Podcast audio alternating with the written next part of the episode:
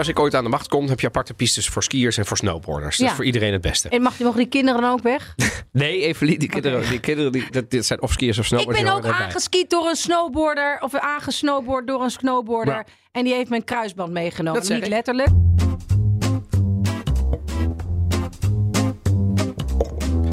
Welkom bij een nieuwe aflevering van de Italië-podcast. Ik ben Evelien Redmeijer. En Ik ben Donatello Piras en in deze aflevering praten we over de krimp van Italië als het om inwoners gaat. Niet qua oppervlakte. Dat zeker niet. Italië kampt al jaren met een dalend geboortecijfer, maar de recente cijfers die zijn alarmerend laag. Het land heeft het laagste geboortecijfer ooit bereikt, wat een groot probleem kan veroorzaken voor de toekomst van het land. Waarom maken de Italianen geen kinderen meer? Is het een probleem en waarom? En waarom? En kan er überhaupt iets aan gebeuren om die trend te keren? We bespreken het allemaal en de cultuurtip is een prachtige nieuwe eye-opener voor mij, film op Netflix. Maar eerst zijn we weer eindelijk. Nee, nee, je hebt er vorige week om gevraagd en nee, je wordt op je wenken bediend. De boes. De booze. En eh, we dachten, we doen dus een keer weer een dessertwijn. Ik vind niks lekkerder dan dat. Ja, die zoete drankjes. Ja. Och, ik vind het zo lekker. Het enige is Ja. dat je daar wel... Ja, je krijgt er, eh, met suikers, je krijgt er wel meer koppijn van en zo. En ik Ja? heb, ja, ja, ja. Oh, maar goed. Maar goed, ik, ik doe het niet... Ja, ik, nee, ik vind het half zo de lekker. neus. Nee, nee. Maar, Van die Moscato, dat is toch niks lekkers ja, dit is een Moscato di Cagliari. eh, of, of een Moscato... Sorry. Ik moet het even goed zeggen. Het is een Moscato di Sardegna. Een DOC. Van de Cantina Dolianova uit Sardinië.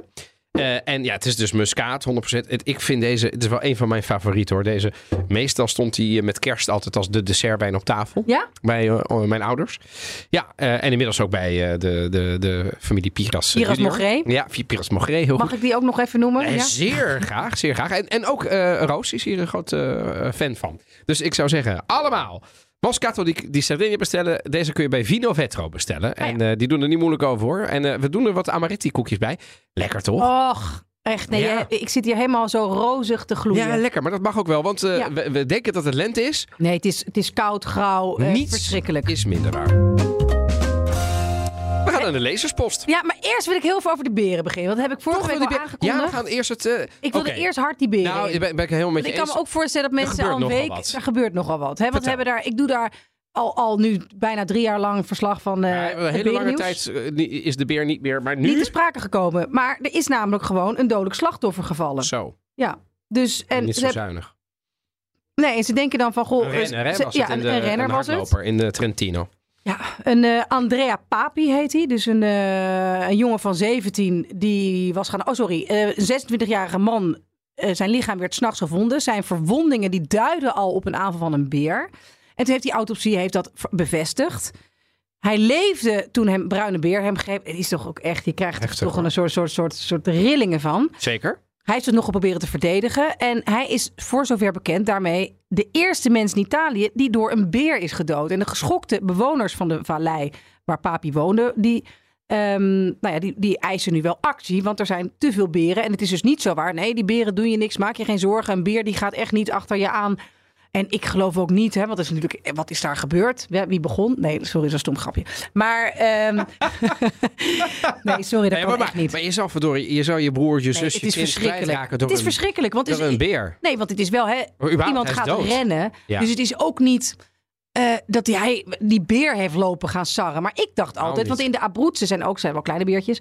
Dat, dat je nooit bang hoeft te zijn voor beren. Want ik had dan een collega, Jarre van der Ploeg, die was bang voor, is bang voor beren. Dus die Nou, ging dan in de Abruzzen Jij lopen. bent niet bang voor beren? Nee, want ik dacht altijd, ja, die zie je niet. Die zijn banger voor jou. Wel, wat, wat je Ja, ouders tegen je precies, zeiden over ja. muizen en zo. Nou, dat wordt wel gelogen gestraft de afgelopen weken Zo, in Italië. dus die beren zijn helemaal niet banger voor jou dan jij voor die beren bent. Dat is een van de roofdieren van Europa. En wat we zien, is die beer is eigenlijk eh, eh, steeds verder teruggedrongen. Ja, En nu... Eigenlijk, 120 zijn het er. ja, en dat komt omdat de mensen op een gegeven moment berouw kreeg, ook de Italiaan, van het feit dat we steeds minder beren hadden. Dus wat is er gebeurd? We hebben het territorium uitgebreid. Italië heeft volgens mij, eh, niet volgens mij, dat weet ik zeker, want ik heb het opgezocht, heeft meer bossen dan Mhm. ooit. Hè. In ieder geval, het is, vanaf de Tweede Wereldoorlog is het gaan groeien. En logisch, hè, de, de bossen waren vroeger zijn een beetje teruggedrongen door de mensen. Want mensen waren Mhm. altijd bang voor de bossen. Want ja, over de bergen kon je nog een beetje kijken. De heuvels ook. Maar de bossen, daar, daar zitten beren. Daar zitten, dus die hebben ze allemaal gekapt toen het kon. Brouw gekregen. En nu brengen we en de bossen terug. Maar ook dus De die- de predators. Er is een heel herpopulatieprogramma Ja. geweest daar. Ja, en dat heeft dus gewerkt. Wat fantastisch. Maar dat heeft dus ook nadelen, lieve mensen. Als je de beer terugbrengt. De beer is geen makkenbeer. De beer is geen makkenbeer. Nee. De beer is geen makke beer. Nee, die houdt zich niet aan. Oh, dat is een hardloper. Nee. Daar gaan we niks aan doen. Die denkt: hé, hey, er is een, een, eh, dat, is een, dat is een prooi, of dat is een bedrieger, of een, een indringer, of misschien had de beer wel jongen. Hoe heet dat bij beren ook alweer? Beertjes. Beertjes. Beertjes. Nee, Maar maar, goed, maar de- het, is, maar het, is, het is wel, eh, ik zie wel een trend van, ehm, het is niet een incident meer. Nee, en het zijn er nu gewoon veel te veel. Want ze hebben dus uiteindelijk. Het is een discussie van die bruine beren die al een paar jaar loopt. Want er zijn al eerder mensen aangevallen. Die hebben verwondingen gekregen. Maar nu zijn er dus, zoals ik net al zei, zo'n 120 naar schatting. In eh, een groot natuurpark in, bij de stad Trente. Trento in het Italiaans. En tegenstanders zeggen al jaren dat dit veel te veel is en te gevaarlijk is. En nu is er dus gewoon echt een dodelijk slachtoffer gevallen. Ja. De ouders van deze jongen die gaan ook ehm, een rechtszaak beginnen. Die willen een schadevergoeding hebben. Tegen wie? Van het provinciebestuur, ja precies. Om dat hele herpopulatieprogramma, wat dus onverantwoordelijk is. En dat er eigenlijk door, ja, het zal Ja. ingewikkeld worden. Ja, maar er valt voor, voor beide wat te zeggen. Want aan de ene kant kun je zeggen... ja, jongens, de natuur... Hè, de, de- we moeten de natuur ook weer een beetje terugbrengen... en de beer hebben we weggeduwd en die mag weer terug. Als je dat doet, Ja. is het niet zonder risico's. Dus dan, dat betekent het dus dat je nooit meer... zonder gevaren in je eentje zomaar kan gaan hardlopen. Want ja, daar zijn beren. En overigens, er zijn beren, er zijn wolven. Die komen ook terug. Dat weten we in Nederland wel Ja, van. ja. Er zijn vossen. Ik heb een beer gezien trouwens. Nee, dat is niet waar. Ik heb een wolf gezien. Terugkomend uit de Dolomieten. Oh ja? Ja, met Roos. We zagen hem allebei tegelijk. Ja. Alleen we waren te laat, dus ze wilden een foto, maar dat was, het, was een, het was net donker. en Toen zijn we gaan rijden. En daar stond hij. Majestueus. Ehm, en eh, bless you. Salute. Ja. Salute. En ehm, dus er komen roofdieren terug in Europa. Die we volgens mij eigenlijk alleen nog uit de sprookjesboeken kenden. En daar is het nog lekker veilig. Maar nu, nu gebeurt er dit. En ik, ja, ik, bedoel, ik heb de wijsheid ook niet gepakt. Maar, eh, Maar ze gaan dus nu zoeken via DNA-onderzoek wat, op, eh, eh, wat, wat is gevonden op het, eh, op het lichaam. Eh, welke beer het was. En die beer die wordt dan afgemaakt. Dat ik ook denk, ja, oké. er waren al er zijn al eerder beren gestraft. Arme beer. Er zijn al al eerder beren die zijn als problematische exemplaren aangewezen. Omdat ze vee op Alpenweides te grazen hadden genomen. Ja, maar dat doet de beer. Ik Ja, bedoel, waarom ben je Ja, die beer is- dan? Wat moet hij dan? Nee, ja. Moet hij dan gewoon, eh, eh, moet, hij, moet hij na zijn winterslaap dan niks doen? Nou, in de Ja. Corriere della Sera wordt ehm, een hoogleraar dierkunde aan het woord gelaten. en die zegt dat zo'n berenaanval ongelooflijk uitzonderlijk is. In principe blijven ze uit de buurt van mensen. Die zijn geen prooi voor de beer. Een beer valt alleen aan als er plotseling iemand dichtbij komt. Als een vrouwtje haar jonkies wil beschermen. Ja. Of als hij wordt aangevallen door een hond die zijn baasje probeert te schermen. En het afmaken van het aantal beren is volgens hem dan ook volstrekt zinloos. Hij zegt de dieren die overblijven planten zich weer voort. De situatie wordt weer zoals nu. Hij pleit voor ecologische gangen waarlangs de dieren zich kunnen verspreiden over aangrenzende berggebieden. Mhm, mhm. Ja, oké. Ja, ecologische allemaal... gangen zijn een soort corridors, hè? Dus, Ja. En ehm, dan eh, zijn die voor de beer. Ja, En dus niet voor de mens. Of als de mens daar komt, dan neem je dus een heel groot risico. Het is een beetje wat ik altijd zei. Als ik ooit aan de macht kom, heb je aparte pistes voor skiers en voor snowboarders. Dat Ja. is voor iedereen het beste. en mag, mogen die kinderen dan ook weg? Nee, Evelien, die kinderen, die kinderen die, dat, dit zijn of skiers of Ik snowboarders. ben die ook aangeskiet door een snowboarder. Of aangesnowboard door een snowboarder. En die heeft mijn kruisband meegenomen. Dat zeg Niet ik. letterlijk, Dat maar zeg ik. ja. ik we, we, doen elkaar een plezier mee als we niet elkaars vaarwaard doen. Zou je dus ook voor de beer kunnen doen. Ja. Aparte corridors, bepaalde paden waarvan je weet... jongens, als je daar naar boven gaat... aan de andere kant houden die beren zich eraan.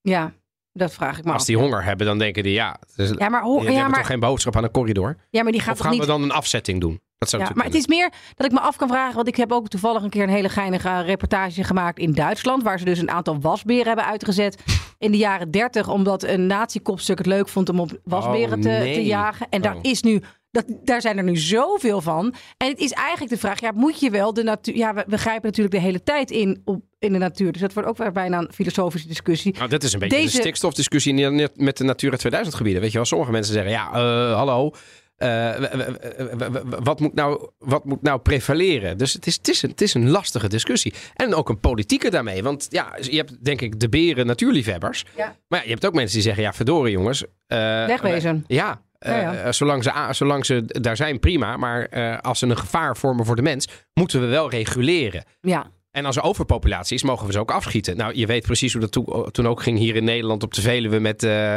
wat werd er toen wel of niet al met de herten? Alle mensen. Wel bijvoederen, niet bijvoederen. Weet je, dat is altijd een discussie tussen de... En volgens mij gaan we daar niet uitkomen. nee, denk Nee. ik ook niet. Maar jij blijft het wel volgen, toch? Volgens? Zeker, Berenneeuw is bij mij eh, veilig. Nou, dat vind ik wel fantastisch. Oh, ja, ehm, ik wilde deze doen. Want ik heb weer wat eh, lezerspost. Oh ja, leuk. Ja, ik begin gewoon eventjes. eh, hoi Evelien en Donatello. Zoals altijd luister ik eh, ge- jullie geweldig leuke podcast tijdens mijn hardloopwedstrijd. Rondje Westerpark vandaag was de paste aflevering. Oké, dat is dus een paar weken terug. Alleen, wat ik dan zo jammer vind, daar gaan we, Ben ik nu weer, ben ik weer nu de- Nee, dat ben ik. Oh. is omdat ik echt geen woord Italiaans spreek. Overigens hulde dat je dan naar de Italië-podcast luistert. Blijf dat ook vooral doen. Eh, geen clue had van wat er nou precies werd gezegd in de iconische zinnen die jullie bij de intro van het onderwerp lieten horen. Die Donatello nog uit zijn jeugd kende. Ik, ik moet heel eerlijk zeggen, ik, die ken ik. Wat heb ik daar lopen, Ik weet ook niet, lopen heb- delibereren? Heb ik daar Nee, ja. Ik, weet weet niet of, niet ik weet niet of jij in een soort Freudiaanse jeugd, jeugdfuik over de, de, bent gevallen. Ik weet het ook even niet meer. Maar even terug horen. Sorry, Ja. eh Eefje, ik weet het niet. Vaak vertalen jullie wel, zegt Eefje, het Italiaans in de podcast. Al dan niet kort samengevat, maar soms ook niet. En dat vind ik dan heel jammer. Ik weet natuurlijk niet of jullie het dan bewust niet doen. Maar als jullie het wel doen, wordt het in ieder geval door mij. Maar ik denk ook door alle niet-Italiaans sprekende luisteraars enorm gewaardeerd. Ik kijk nu al uit naar de volgende aflevering. Kijk, Blijf dit is aardig. maken. Dat is aardig. We gaan daarop meer op letten, want inderdaad is ik het ben het met je eens. Ik ben het met haar eens. Niet ervan uitgaan dat mensen Italiaans spreken. Het is, dat zou Nee. helemaal van de gekken zijn. Nee, Jij was gewoon, jij hebt weer, ik, ik, heb, een, hem weer laten, laten meeslepen. ja, ik heb een eh, anonieme brief gekregen. Het is namelijk iemand die zichzelf heeft eh Fantasma delle Opera, dus het, het spook van de, opera. heeft genoemd. Het spookt hier in de over. Eh, en ondertekend met azijnpisser nummer 2. nou ja, oké. Eh, het begint met beste Donatello en Evelien verkeerd geschreven. Evelien met, is namelijk met INE. Dat wilde ik dan ook nog even zeggen. Oh. Vervolgens, het is het laatste moment dat jij wordt genoemd. Want vervolgens richt, zich, richt alle munitie zich op mij.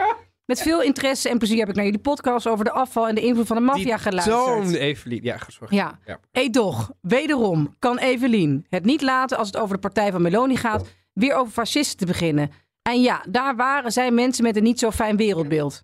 Oké, dat dus hij erkent dat. Ik geloof ook niet dat ik zeg dat zij dat is. Volgens mij hebben we echt de nuance heel goed te pakken. Maar dat er in de partij zijn mensen zijn die in, in ieder geval uit de postfascistische traditie komen. Of die nog nooit heel erg negatief over Mussolini hebben willen praten. Dat is geen mening, dat is een feit. Maar Dat, volgens mij erkent hij dat ook. Wat hij, of hij of zij, Ja, wat, vindt hij of wat Evelien steeds vergeet Ah, mee te nemen, is wat voor onfrisse ideeën en slagpartijen er zijn geweest namens het linkse gedachtegoed. Er is partij in Nederland waar enkele bestuurders de daden en gedachtegoed van Stalin, Mao en Pol Pot de hemel in prezen. Eh, Was Ja, dat oké. een voormalige SP wellicht? Ja, ik weet even niet denk het, gaat, dat denk ja. ik. Ja. Eh, als Evelien het zo graag over ideologieën wil hebben, zo is ze, eh, die in de geschiedenis van de mensheid niet veel goed hebben gebracht, laten we dan af en toe ook de, bal, de balk uit haar ogen halen en ook de misstanden van de linkerzijde beschouwen. Ja. Nou ja, daarna krijg jij weer allemaal complimenten hoe je leuk je bent en hoe het over past. Dat is niet waar. Maar heel even, waar. ik word, kijk, Ja. het gaat erover dat er nu een zeer rechtse regering zit met die wortels. Dus dan eh, is het een beetje, ja, ik ga natuurlijk weet ik dat Stalin en Mao en, en allerlei andere vreselijke dingen, ook in Italië de Brigada Rossa en Ja, het hebben we het communisme. gehad, hè? uitgebreid zelfs. Ontzettend bloedige geschiedenis. Dus jaren. ja, dus het gaat gewoon meer om een soort extremisme. Met Poetin, En- Maar ja. ik zeg geloof ik niet met het een dat het andere niet zo is. Maar ik, eh, ik zal erop letten. Dus ik zou iedere keer als ik dat noem ook... eh, nou ja, het Ja, dat, aantal soort, doden wo- dat wordt een beetje de Italiaanse par condicio. Hè? Als je links noemt, dan moet je ook rechts. Ja, maar goed. eh, ja. Ja, Nou, we, we gaan... maar Iets leuks, iets we- leuks. Iets leuks, oké. Ehm, nou, weet je wat ik, ik, We hebben een, een, een fanbrief gekregen. Hey, hey, hey, Ja, en dat mag ik zeggen, want hij heet Fanbrief van ja, Italiaanse dat mag je niet studenten. zeggen. Dat mag je niet zeggen. Beste Evelien en Donatello. Wij zijn Daniele, Mirea, Alessandro en Bianca. Wij zijn Italiaanse studenten die Nederlands studeren aan de Universiteit van Trieste. Wat leuk. Echt vind toch? ik. Ja, het is echt te leuk. Tijdens de les hebben wij met Tatum, onze taalassistente die Italiaans heeft gestudeerd in Leiden, aflevering 131 van jullie podcast geluisterd. Wij hebben jullie podcast heel interessant gevonden. Wij vinden het heel goed dat jullie de Italiaanse cultuur onder Nederlanders verspreiden. En dat doen jullie op een heel luchtige en leuke manier. Eh, ja, doorgaans. Eh, eh, wij vonden het interessant om te horen wat de verschillen zijn tussen het studentenleven in Nederland en in Italië. We vinden het ook goed dat er in Nederland studie- studieverenigingen zijn. Onze universiteit hebben jammer genoeg geen verenigingen die activiteiten en reizen organiseren. We kunnen nog wat van de Nederlanders leren.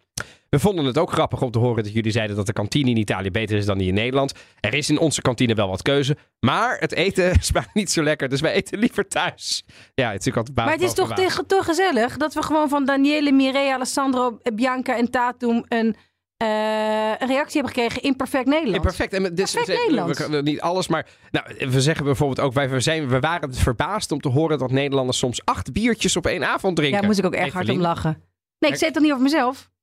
Alsof jij dat nog nooit hebt gedaan. Oh, dat, dat- maar dat laat ik nu in het midden. Maar dat heb ik Nee, niet dat, laat ik gezegd. even, dat wil ik even niet Ja. in het midden houden. Laat ik, laat ik bij mezelf beginnen. Ja, Ik, ik heb er wel eens aan bezondigd. ja, ja. Meer dan acht biertjes op een avond. Ja. Ik dat het wel eens, wel eens is gebeurd. Ja, ja. En, en- en wij drinken, ik ga weer door met het citaat van de Italiaanse studenten, alcohol bij de aperitivo. En hebben vaak ook een secondo giro, hè, een tweede ronde even. Maar wij drinken meestal niet meer dan twee Aperol Spritz per avond en willen niet dronken worden. Nou, dat zou, ik denk niet dat je dat Nederlandse studenten is ook zo. zeggen. Ja, ik lach er bijna om, maar Ja. dit, is niet, dit is niet Maar gewoon het verschil, ja, hoe groot het verschil ja. is, ja. Het is ook zo dat wij bij het uitgaan vaak op straat staan. Dat is ook zo. Ja. Nou, we willen graag ook zeggen dat we ons identificeren met de uitspraak van de Italiaanse professor Carlo. Hè, dat is uit die eh, eh, eh, aflevering van Utrecht. En dat wij de cultuur van deze aflevering prachtig vonden. Dat was l'immensità. Eh, eh, een, met eh ehm, Penelope Cruz. Penelope Cruz. Bedankt voor jullie interessante afleveringen. We zouden ons heel erg vereerd voelen als wij met deze brieven in de Italië-podcast zouden mogen komen. Bij deze. Mochten jullie ooit nog in de buurt van Trieste zijn, jullie zijn hartelijk welkom voor een aperitivo. Tanti saluti da Trieste. Te gezellig. We gaan. We gaan. Ja. Maar wat gaan we dan na die twee Aperol Spritz doen als zij zeggen van nu wil ik niet meer? Wash me. Nog de laatste die ik eventjes wilde bespreken. Ja. Namelijk een bijzondere Ja. eh, recept voor het eerst. Ja. Namelijk van Vanja van der Leden. Die is op dit moment met een heel spannend Italiaans kookboek bezig. Eh, wat juist wat minder traditioneel is. En wat meer durf toont dan veel andere Italiaanse kookboeken. Die toch wel heel erg hangen op die traditie. En dat het echt per se zo zou moeten zijn. En zij heeft een, eh, haakt in op onze aflevering waar we het hebben over de pasta al limone. Oh ja. Zij vertelde dat ze ooit verkering had met de Italiaanse Roberto. Zijn familie was van adel en zijn tante Zia Francesca, eh, die leek op een dikke pad. Zegt van ja, ik niet, ik was er niet bij. Die was contessa en capa familia. Dus die was hertogin en, en familiehoofd. En ze had de mooiste etage van het landhuis in de Marken, waar ik vaak de zomers doorbracht. En de rest van de broers en zussen moesten het met mindere vertrekken doen. Ik probeerde haar recept van pasta alla vodka en limone los te krijgen. Maar ze wilde het niet prijsgeven. Het enige wat ze zei, wat ze zei was non c'è il succo. Op een dag heb ik zelfs ingebroken in de computer om, het, om, het- om te kijken of het recept daar stond. Te vergeefs. Dus het delen van recepten is belangrijk om keukens levend te houden. Ik denk ook dat het de keuken niet ten goede komt om alles te behouden zoals het is. Een keuken leeft, net als taal en muziek. En dat sluit niet uit dat het belangrijk is om tradities te koesteren en te documenteren. Maar de nieuwe en de oude keuken kunnen prima naast elkaar bestaan. Dit zegt Vanja, hè? Dit zegt ja. van je allemaal. Ik zeg dit laatste om mezelf in te dekken, want ik werk aan een Italiaans kookboek met niet-traditionele recepten. Terwijl culinair historicus Alberto Grandi, kwam hier ook al een paar keer langs, als een Salmon Rushdie wordt verketterd omdat hij de Italiaanse culinaire tradities onderzoekt en durft te betwijfelen, waag ik het om als niet-Italiaan een Italiaans kookboek te maken met niet-traditionele recepten. Ben ik soms levensmoe? Nee. Wel gek op Italië waar ik een aantal jaar heb gewoond. En er komen ook interviews in met Italiaanse chefs die de tradities kennen, maar de Italiaanse keuken ook willen laten evalueren. Bravi. Ja, toch? Hoe ironisch dat juist een keuken die gebouwd is op evolutie, Ja. inmenging van buitenaf en improvisatie, door veel Italianen het liefst in een kooitje wordt gestopt. Vind ik een prachtige. Ja, terwijl Zin- waren, de tomaat kwam uit Latijns-Amerika, zoals we weten. Il peperoncino Ja. is ook niet echt Allemaal, er Italiaans. zijn ook allemaal recepten uit armoede ontstaan, omdat er gewoon even helemaal niks ja, anders was. Ja, en tegenwoordig eh, zijn we er trots op en dat mag. Ja. Maar we zijn, we zijn, ik voel mezelf wel Italiaans wat dat betreft, wel Ja. af en toe kortzichtig hoor. Oei, oei, oei. Eenkennig ook. Ja. Ja. Maar ik ga zo nog even, eh, eh, eh, wel even met de billen bloot over, maar je, je gaat nog iets Ja, verder. ik ga nog even zeggen, want ja, wij ja, krijgen precies. dus haar kookboek komt eraan over een paar maanden, denk ik. Ja. Het gaat Italo Pop heten. Ik ben er ongelooflijk benieuwd naar, want ik heb ook een Indonesisch kookboek van haar, wat echt geweldig is. Je moet er wel een beetje tijd voor hebben en zin hebben om wat tokens af te gaan, maar af en toe heb je dat en dan krijg kun je echt hele eh, goede rece- recepten maken. Ik had anders nooit iets uit de Indonesische keuken durven maken. Ze heeft een pasta recept van Zia Francesca nooit gekregen. Ze is zelf aan de gang gegaan met citrus en in Genua had ze voor door mij, een tip die ik haar had gegeven, een pasta al pesto di agrumi, dus van Oh, citrusvruchten. Bij La Forchetta Curiosa in Genua. Sowieso een goede tip om daar eens te eten. Ik kende die pesto niet, zegt ze, en zocht het op. Komt niet, ik kom, het komt niet uit Ligurië, maar uit Sicilië blijkbaar. Voor zover ik op internet mag vertrouwen. Ik gaf er weer een eigen draai aan met wat vissige umami van Botarga. Nou, klinkt top toch? Het recept komt in mijn nieuwe boek. En wij gaan dat delen. Dat zullen we doen eh, op onze um, Italië-podcast Instagram. En ook in de show notes. Dus het tekstje, dat moest ik even mijn moeder uitleggen. Die dan zegt, ja, maar je moet het langzamer uitspreken, de cultuurtips. Dan zeg ik, ja, maar je moet ook kun je in het tekstje kijken wat in de podcast-app Dat verschijnt. doen weinig mensen. Nee, dat weet ik. Maar, Maar dus dat het is toch heel goed, goed om dat te zeggen. Dat mensen dan weer niet terug Want wij hoeven schrijven, documenteren het allemaal. Dus alle tips die wij geven, als het nou gaat om cultuurtips of nu dit recept, gaan we helemaal eh, uitschrijven ehm, in de. ehm, in de show notes, dus in de podcast-app. En eh, hij En, komt en meestal is ook... onze Instagram nog uitgebreider. Nog Dan doen we nog een paar Ja. namen. Ik moet nog even met de billen bloot. Waarom? Omdat Oei. ik de vorige week had ik gezegd eh, dat ik een keer iets had opgezegd op basis van een niet-Italiaans ingrediënt. Eh, dat klopt. En de, eh, Vanja die confronteerde mij. En ik ben het voor een heel groot gedeelte wel met eens hoor. Met Vanja wat ze zegt. En ik vind het ook af en toe te bekrompen. Om Ja. te, weet je wel, dus ik heb vaak genoeg gezegd dat de afleveringen van Jamie Oliver... waarin hij op een gegeven moment woedend wordt... omdat ze het niet eens willen proberen in. Zuid-Italië. da- daar sta ik helemaal achter. Probeer het tenminste. Dan kun je nog altijd tot in lengte de dagen... je eigen familierecept het beste vinden. Vind ik prima, maar probeer. Probeer het, ja. Ehm, ik heb ehm, eh, ooit een keer HelloFresh eh opgezegd. Ja, Eh, waarom? pasta met kip. Mm, nou, wat- nee. Wel pasta met harissa. En op een gegeven moment stopten ze Oh ja. overal harissa in. Ja, ja. En ik vind dat dus ook ingewikkeld. En toen dacht ik, ja, oké, maar wacht even. Ik vind dat dus ook ingewikkeld. Ik heb niks tegen een nieuwe invloed. Wat zij bijvoorbeeld doet, zij Vanja, met een vissige umami van Botarica. Botarica is natuurlijk ook een product wat... Waar het mij om gaat, ik, het, het- ik vind het niet erg als het niet uit Italië per se komt. Maar als het zeer duidelijk een totaal ander ehm, ehm, um, um, ingrediënt is. Met een hele andere smaak. Waarbij het bijvoorbeeld de Aziatische keuken wordt. Of een. Ja, dan, da- maar da- is da- dat erg? Want ik heb Nee, ik vind het niet erg, maar dan vind ik het dus dan vind ik het geen pasta. Ja, ja, Dus, ja, en ik vind het ook een beetje Ik ingewikkeld. vind ik een beetje ingewikkeld. Wat, betekent het dan dat je hem niet mag maken? Nee, tuurlijk, maak hem. Alleen ik hoef hem niet op die manier te eten. Want Nee. ik maak hem dan liever met peperoncino. Ja, dan ja, met harissa. En daar zit dan voor mij een beetje... Dat is waar mij de grens ligt. Als ik denk... eh, met dat NK pasta maken kwam er ook één iemand en die maakte noedels op zijn Aziatisch. Toen dacht ik, dat is geen pasta. Ja, ja, dus ja. er moet nog wel iets van herkenbaarheid in zitten. En dat je innoveert. En dat je het absoluut niet doet zoals de oude keuken. Ja, dat kan ik alleen maar eh, toejuichen. Ik denk dat ik ben eh, zeer benieuwd naar het kookboek van Vanja van der Leden. En ook dank dat zij de Ja. moeite neemt om dit gewoon met ons te delen. En dat wij het weer mogen delen, toch? Supercool. Ja, ik ben daar helemaal, helemaal blij mee. Mai tante culle vuote. Nel 2022 la natalità nel nostro paese ha raggiunto il suo minimo storico e per la prima volta dall'unità d'Italia le nascite sono state al di sotto della soglia di 400.000, fermandosi a 393.000. Mentre la mortalità ha continuato a mantenersi elevata, i decessi sono stati 713.000, 320.000 più delle nascite, con il risultato che ogni 1000 abitanti si sono registrati 7 neonati e 12 morti, numeri che hanno attirato anche l'interesse di Elon Musk. L'Italia sta scomparendo. Eh. Dit moet je dus even vertalen, heb je net dat, gehoord. hè? ja, en dat gaan we niet in één keer doen. Maar in de tekst die wij hierna gaan uitspreken, gaan we dat zeker doen. Eh, want Italië is een land voor Dit oude was, een mensen. stukje, dit was een stukje journaal, toch? stukje journaal Ja. over eh, Italië zonder kinderen. De geboortecijfers zijn, zijn erg laag. En, En Elon Musk, de- die naam hoorde je misschien wel, die zegt Italië verdwijnt. Ja, Italy will have no people if these trends continue, zegt Ja. hij. Nou, Italië is een land voor oude mensen. En dat is een uitspraak die misschien wat grof lijkt, maar die perfect nou, de, huid, de hedendaagse realiteit weergeeft van een land dat sterfte nog steeds hoog ziet en het geboortecijfer een historisch dieptepunt bereikt. Let op, minder dan 7 pasgeborenen en meer dan 12 sterfgevallen per duizend inwoners. You do the math. Hm. Zeven mensen worden geboren, 12 sterven er. Vorig jaar werden er dus minder dan 400.000 mensen geboren. Een all-time low. En dan heb ik het dus over de sinds de oprichting van Italië in 1861 is er nog nooit, zijn er Zo nog nooit weinig. zo weinig kinderen geboren als vorig jaar in Italië. Om precies te zijn 392.598. Ja. Enkele cijfers in het laatste ISTAT-rapport, wat een beetje, ja, waar- hoe kun je dat vergelijken in Italië? CBS. CBS, ja, CBS. dat zocht ik even. Over de demografie, de afname van de ingezeten bevolking in Italië. Op 1 januari 2023, dat telde dus 58 miljoen en 851.000 eenheden, 179.000 minder dan het voorgaande jaar.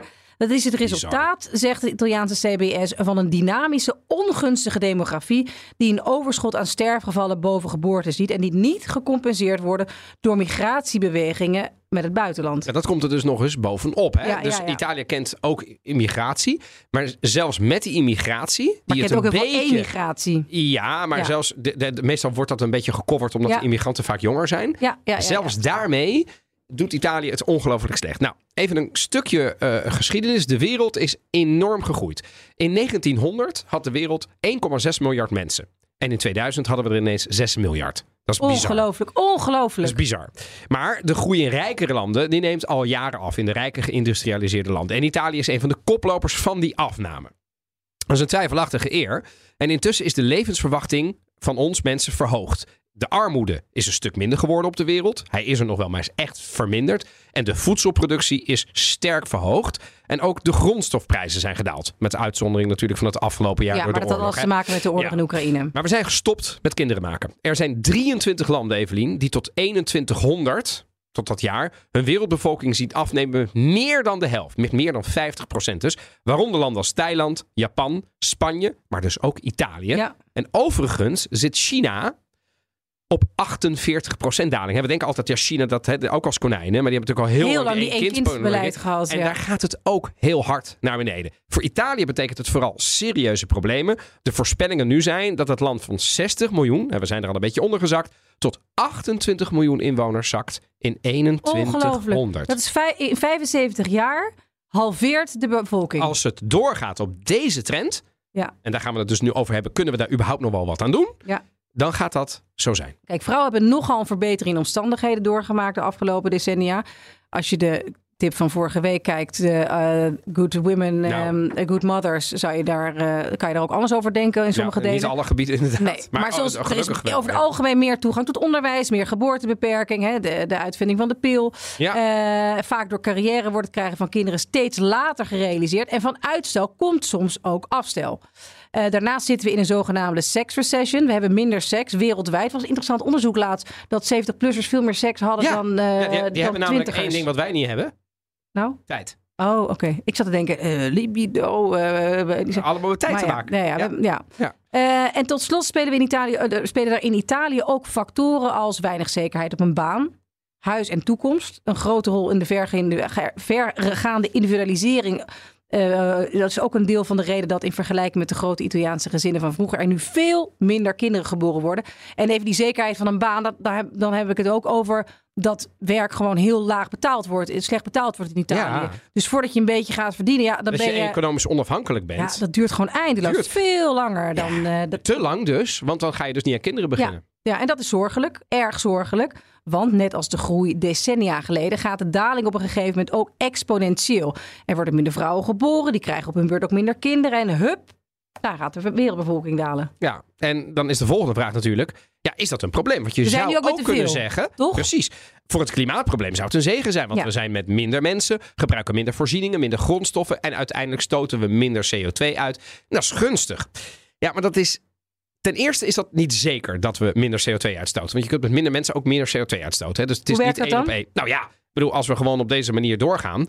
eh, eh, het is niet gezegd dat een afname in de wereldbevolking betekent dat we minder CO2 uitstoten. Als, de in, als we eh, net zoveel blijven produceren en, en, en, en autorijden enzovoort. Dan, hè? Dus het, het lijkt er wel naar dat dat gaat afnemen, maar Mhm. we hebben het nog niet gezien. Dus we Mhm. weten het niet zeker. En ten tweede, de welvaart is wereldwijd eh, nogal slecht verdeeld. Een kleine groep mensen heeft relatief veel macht en geld. En daarvan zeggen experts, ja, dat zal niet snel veranderen. Het gaat niet ineens geniveleerd worden. Ook niet als die wereldbevolking daalt. Dus ja, dan is die, dat, dat, dat, dat, dat betekent niet per se dat die problemen worden opgelost. En dat het dus een zegen gaat zijn voor de duurzaamheid of voor het klimaat. Maar waarom is het dan voor.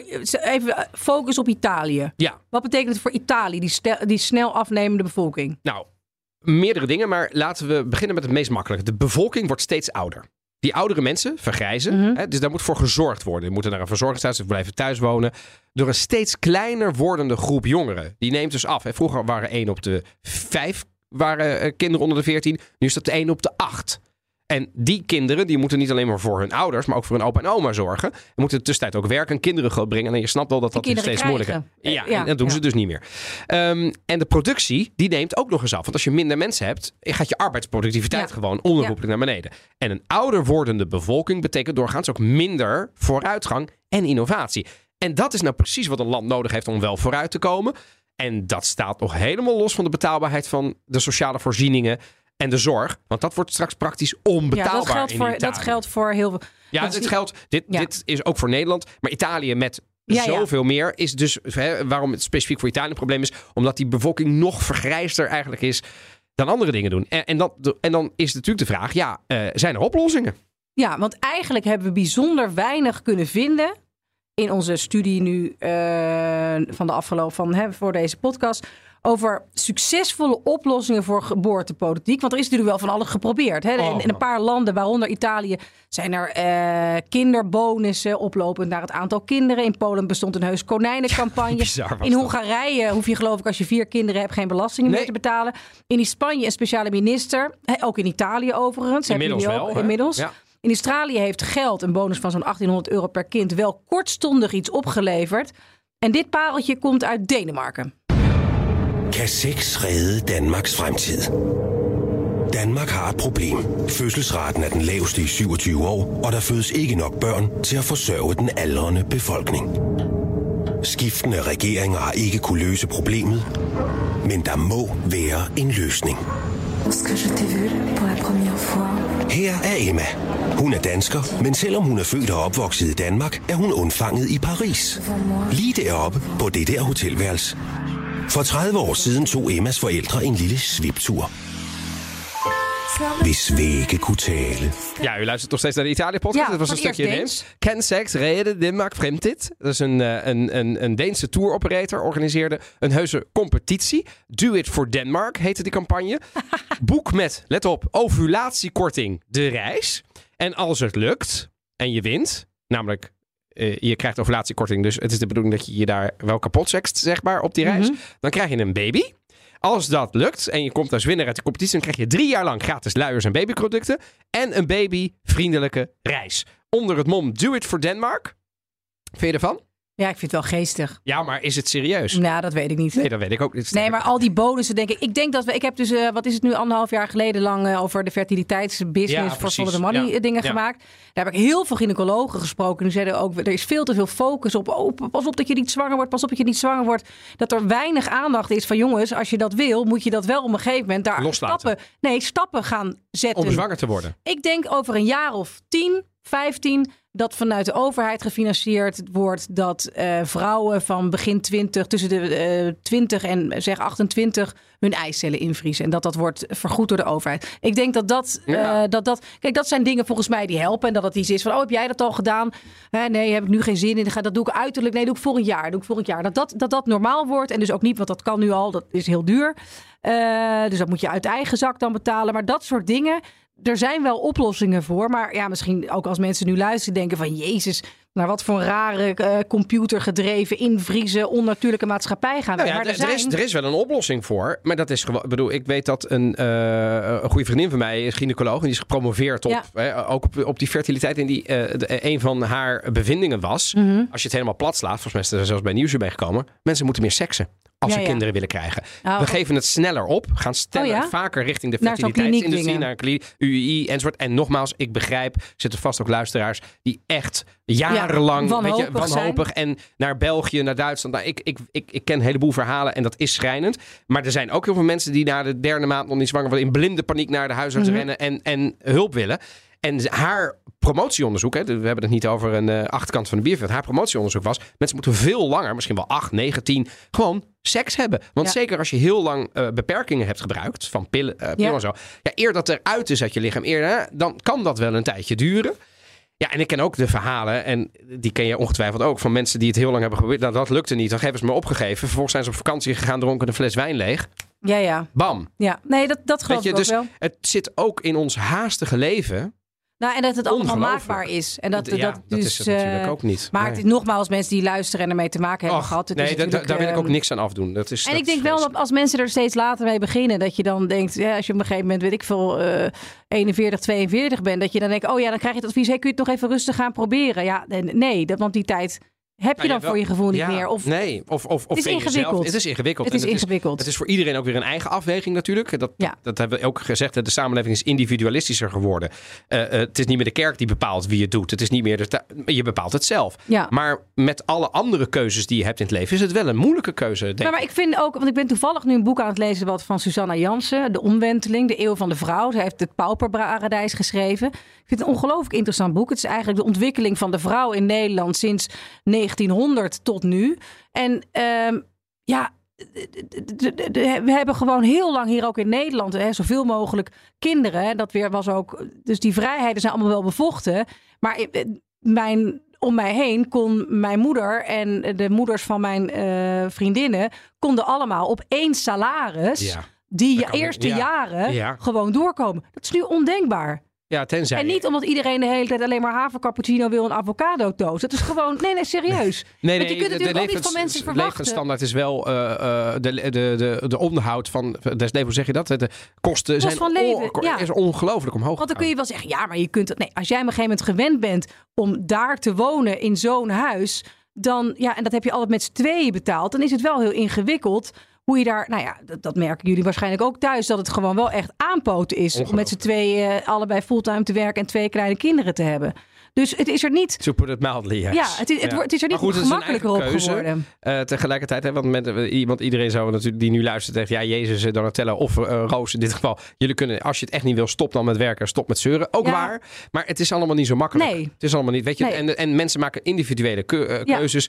Ja, en geboortepolitiek, ja, is lastig. Dat is nogal lastig, zeker in democratieën. Maar zelfs China eh, is dus helemaal niet succesvol geweest. En dat ze met hand en tand hebben geprobeerd een één kindpolitiek door te voeren. En vervolgens te niet te doen door bonussen voor tweede en derde kinderen. Het is blijkbaar makkelijker om iets niet te laten doen. Hè, dus dat je verbiedt. Ja. Ja, verschrikkelijke praktijken overigens. Hè? Ongelooflijk, het- hè, ja. dat, dat, dat, ze wilden dan een jongetje. Dus Oh. meisjes die geboren worden. Nou ja, eh, Er gelukkig. zijn ook eh, documentaires over, want die zijn Ja. echt, eh, ja, nee, zeker. dan iets stimuleren om iets wel te doen. En je bent er doorgaans niet met één maatregel, met een bonus of met, een- met gratis luiers of wat dan ook. Het probleem heeft meerdere oorzaken en die moet je aanpakken. Ik had het toevallig met een cameraman erover en die hebben ook lang gewacht. En nou ja, het is ook denk ik in de Italiaanse cultuur dat je het uitbesteden van dingen met je kinderen daar zeker van Rome en dan nog verder naar het zuiden heel ingewikkeld ligt. Ja, die, die voorzieningen zijn er niet. En er wordt ook raar ook- naar gekeken. Ja, wordt heel wantrouwig. Oh, Ja. een oppas. Heb jij... Oh, Ga je kind naar de crash kind naar de brengen? crash brengen? Ja. Ja, nee, zeker. Maar, maar goed, daar moeten we wel vanaf. Ook Daar moeten we zeker vanaf. Daar en je we ziet dat Milaan vanaf. daar al heel anders mee omgaat. Ja. Dan, eh, dan, eh, dan, dan, dan eh, Cosenza, om het Ja. maar even zo te zeggen. Dus ja, da- en, en ook Italië moet dus iets met family Il politiek. secondo grande obiettivo che in qualche maniera già emerge anche qui dalla, da alcune scelte che abbiamo fatto in manovra è una tassazione che tenga conto della composizione nucleofamiliare. Ja, dus hier heeft Meloni het over een, over een belasting van de, ja, de samenstelling van een familie. Ja, een, een, zeg, een, een, een, een, toeslag. Een toeslag. toeslag, ja. destinato complessivamente un miliardo e mezzo di euro in una manovra nella quale non avevamo risorse è per noi una priorità assoluta. Ja, una priorità absoluut. Dus een tops, absolute topprioriteit van eh, Meloni en van haar regering. En die heeft 1,5 miljard als potje gereserveerd voor geboortepolitiek. En de vraag is dan natuurlijk, hè, dus je kunt veel zeggen van haar en haar regering, maar geboortepolitiek is zeker een topprioriteit. Ja. Ze heeft zelfs het ministerie anders genoemd, het ministerie van Familie en Geboorte. Nou, wat zijn dan... Doodeng vind ik dat qua naam. Maar misschien is het, is maar, het maar in, helder. maar in Ja. dit licht. Ja, ja, eh, zeker. eh, want eh, in de research hiervoor ging ik dus op zoeken. Toen dacht ik, ja, als je. Want nu doet hij miseria. Ja, dus iedereen roept nu eh moord en brand. Je noemt nu wel beestje bij de naam. En ja, en uiteindelijk moet je dus iets doen. Nou, wat zijn dan die maatregelen zoal? Gaan we zo praten of het helpt. Het versterken van het ouderschapsverlof tot het verhogen van de alleenstaande toeslag. En het versterken van ouderschapsverlof gaat voor mannen en vrouwen. De verlenging... Italiaanse vrouwen krijgen al hartstikke veel verlof. hè? Klopt. Ja, maar de mannen niet. En die gaan het nu ook krijgen. De verlenging van gesubsidieerde hypotheken voor jongeren onder de 36 die een eerste huis moeten kopen. Ja, dat dat was lijkt, al ja, maar dat lijkt me een hele goede ja, maatregel. want dat gaat over de zekerheid, bestaanszekerheid. Dit zijn enkele van de maatregelen ten gunste van jongeren en gezinnen die Meloni heeft opgenomen in eh, de begroting. Ja, en de vraag is dan natuurlijk, zijn ze voldoende om de trend van Italië om te buigen en het geboortecijfer te verhogen? Ja, en ik denk, als ik puur naar het verleden kijk en naar andere landen, daarmee alleen red je, Red het, je het niet. simpelweg niet. Renzi heeft het in 2015, 16, zoiets herinner ik me ook geprobeerd met een soort hele dikke babybonus. Ja, ik geloof niet dat mensen denken, Nou, niet omdat ze alleen, 2000 want ik- euro, nee. oh nou laten we het dan maar doen nu. Nee, je moet denk ik, het, het, is een, het is een salarissen moeten samenhang. omhoog. Je moet, minimum, Ja. je moet het minimum uurloon moet je gaan instellen, wat er in Italië nog steeds niet is. Minimum Je moet salaris. hervormingen doorvoeren. Ja, ja. Nou ja, een ander thema is natuurlijk migratie. Maar ik geloof niet dat Me- Meloni daar meteen om staat te springen. Nee, om, dat de, is- om de deuren open te zetten. En ook de Italiaanse samenleving niet. Hè? Ik bedoel, Italië heeft met de stem op de rechtse partijen natuurlijk ook echt laten zien hoe ze in dat debat staan op het moment. Of het moment Ja, dat er zeker, gestemd is in zeker. september. Experts zijn het erover eens al jaren dat immigranten het negatieve effect van het sterfteoverschot een beetje kunnen dempen. En de banen waar geen mensen voor te vinden zijn in de zorg, in de horeca, in de agrarische sector, et cetera, kunnen worden ingenomen door deze nieuwe Italianen. Maar ten eerste is het geen totaaloplossing. En daarnaast is Italië nogal verdeeld over de komst van migranten. Dus ja, dat zie ik ook gewoon niet gebeuren, dat het daarmee wordt opgelost. En het is bekend dat de regering Meloni eerder inzet op meer geboortes bij Italianen. Ja. Dan de dat gaat ze nooit Nee, zeggen. Dat gaat ze nooit zeggen. Ja, tenzij op een gegeven moment echt systemen bijvoorbeeld in de zorg gaan instorten. maar je weet nu al dat dat gaat gebeuren. Ja, ja, het is eigenlijk net zoals het klimaatprobleem op sommige gebieden. We weten nu al dat als, als die CO2-uitstoot niet erger stopt, dat je het eerder naar twee dan naar, eerder naar drie dan naar twee en eerder naar twee dan naar anderhalve graad gaat. Alleen om daar nu iets tegen te doen is, is ook niet des mensheid, omdat ja, het is morgen niet gebeurd. Hetzelfde geldt hiervoor. In 2000 of in, in 2100 klinkt ook wel een beetje als een ver van je bedshow. ja, ja. Nou, dan nee, ik- hebben we nog maar 28 miljoen Italianen. Ja, maar een halvering in 75 jaar. Kijk, ik ga het niet meer meemaken. Nou, Nee, alsjeblieft, ik hoef echt geen 116 te worden. Nee, alsjeblieft niet. ik zou het je wel gunnen. Ja, heel aardig, maar De luisteraars godsnaam, ook. ik- ik en maar die lezersposten Maar- doorheen rammen iedere week Nee, met en maar- Evelien. ja, precies. Heerlijk, ja. Een nieuwe jingle. We hebben een nieuwe jingle. Ja, ik vind het wel Maar wat denk jij? Wat denk jij dat, dat is hier dit op te lossen met politiek? Ik denk dat het een heel langzaam systeem is. Het gaat namelijk over vertrouwen in de toekomst. Ja, en, Begrijp je? ja, Vertrouwen in Ja. dat jouw kinderen het, het- dat, dat beter het zullen krijgen dan... dan... Nou, niet per se beter, maar niet heel veel slechter. En dat je het over tien jaar gaat redden, en over vijf jaar het gaat redden. En dat moet je gewoon voor je zien. En dat is een bepaald vertrouwen. Dat is natuurlijk niet alleen maar. Dat is ook iets on- ongrijpbaars. Denk je niet? Ik bedoel, wat, hoe zou jij. Ja, zie jij dit nu veranderen? Verbeteren? Nou ja, kijk, ik ben er best sceptisch over. Want als je alleen al research doet voor deze eh, podcastaflevering die we, die we maken... ehm, dan zie je dat alle geboorte... eh, politieken van overheden in ieder geval niet het gewenste effect hebben bereikt. Nee. Nergens. Er is nergens een best practice. We gaan het op die manier doen Nee. en dat heeft gewerkt. En ik denk, ja, wat jij ook zegt, je moet op meerdere vlakken iets doen. Dus je moet een samenwerking hebben tussen de staat, het bedrijfsleven. Die moet ook helpen met crashes en dat soort Ja. opvang. Eh, de kerk, want nog altijd veel invloed in Italië. En hè, zeker in de wat ruralere gebieden nog altijd. Daar moet ook, en, en dan bedoel ik niet dat de heer pastoor op bezoek komt en zegt... Oi, wanneer? Oh, waar blijft die zesde? nee, dat niet. Deze in Nederland, hè? Zeker, ja, overal. Oh. Eh, wordt het niet eens tijd om... Ja. Ja dan gingen we weer. Ehm, maar, maar ze hebben wel invloed en ze kunnen helpen met, met allerlei dingen. En de problemen moeten verholpen worden. Dus je moet die economische zekerheid, de, de bestaanszekerheid moet omhoog. Er moet meer overheidssteun voor werkende ouders komen. Maar we moeten ook realistisch blijven. Ja, ik geloof er niet in dat, je die, dat, dat we met zo'n cijfer, zo'n curve Nee, naar we gaan niet weer beneden... terug naar die grote katholieke gezinnen, hoor. Nee. Nee. En we mogen blij zijn. Eh, En we moeten, volgens mij moet, is het kritische cijfer 2,1. Daarboven Ja. stijgt het. We zitten nu volgens mij op 1,2. Dus kun je nagaan. Ongelooflijk. Om ergens in de buurt, desnoods op 1,8 te komen, moet je dus al draconische maatregelen Ja. treffen. Ja, en op dit moment eh, is dat gewoon helemaal niet het geval. Dus ik ben best sceptisch.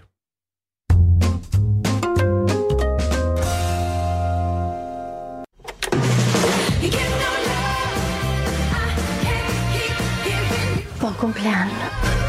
Alice, non so come dirti, lo faccio tardi. Se io lavoro di più per 50, il tempo me lo compro.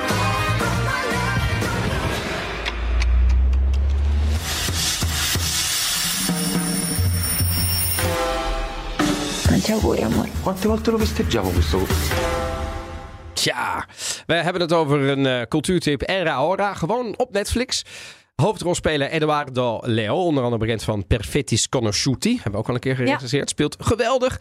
En ook zijn tegenspeelster Barbara Ronchi hoorde je ook al in deze trailer. Zet een zeer overtuigende rol neer als Alice. Een getalenteerde illustrator en een echte dromer met een diepe passie voor tijd. Haar man Dante, vertolkt dus door eh, deze Eduardo Leo, die lijkt daarentegen niet zo bezorgd te zijn over de voortdurende stroom van tijd. Totdat hij plotseling merkt dat hij zeven verjaardagen op één dag viert.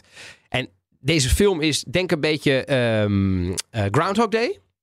Die ken je nog wel? Ja, die ken ik zeker nog wel. Dat er iemand wakker wordt en iedere keer dezelfde dag moet dezelfde- eh, ja, beleven. Ja, en hier is het eh, de omgekeerde Groundhog Day. Want deze man wordt wakker en dan is er weer een jaar voorbij. En weer een jaar voorbij. En weer een jaar voorbij. Oh, wat, wat, en wat, de wat kijker dystopisch. kijkt mee. En deze man is een veertiger met een, jonge, met een vrouw en met een jonge ehm, dochter. En, en bij Vlagen herkende ik gewoon mezelf. Want het is een intrigerend verhaal over de incubatie van tijd. Ehm, en ja, het is in ieder geval een hele boeiende kijk op hoe mensen omgaan met de tijd en ons leven en onze relatie. We hadden het eerder al over kinderen krijgen enzovoort. En hoe dat lastig is in de tijd waarin we steeds meer lijken te moeten en kunnen. En, en deze film geeft daar een prachtige inkijk op. Want ik dacht af en toe, oei. En deze man, weet je wel, dus eh, eh, eh, er is een vriend van hem. Ehm, dat is een soort bijrol. En die, die komt op korte momenten bij zijn verjaardag, ziet hij hem dan.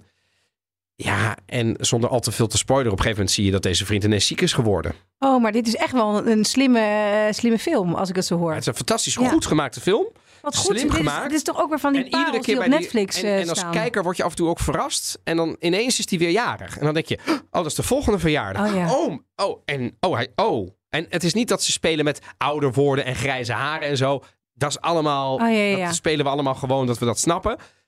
Maar er zijn iedere keer dat hij weer jarig is, dus tot zeven keer is het weer. En ja, hoe het daarna gaat, dat moet je die film maar Nee, gewoon kijken. niet zeggen. Era Hora.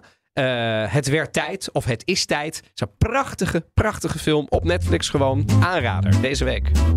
Wil je daar nog meer afleveringen van de Italië podcast luisteren? Ik zou het doen. Zeker, vind ons in de BNR-app of in je favoriete podcastplayer. Abonneer je direct en die vijf sterren op Spotify of Apple Podcast helpen ons enorm. Volgende week eh, staat er weer een eh, gloednieuwe podcast. Zeker. Waar we het over hebben weten we nu nog nog niet. Er gebeurt Nee. zoveel. Er gebeurt best wel veel, hè? Er gebeurt zoveel. Daarover volgende week wel meer. Voor nu bedankt voor het luisteren in ieder geval. En tot de volgende keer. Tot volgende week. Ciao, ciao. Alla prossima.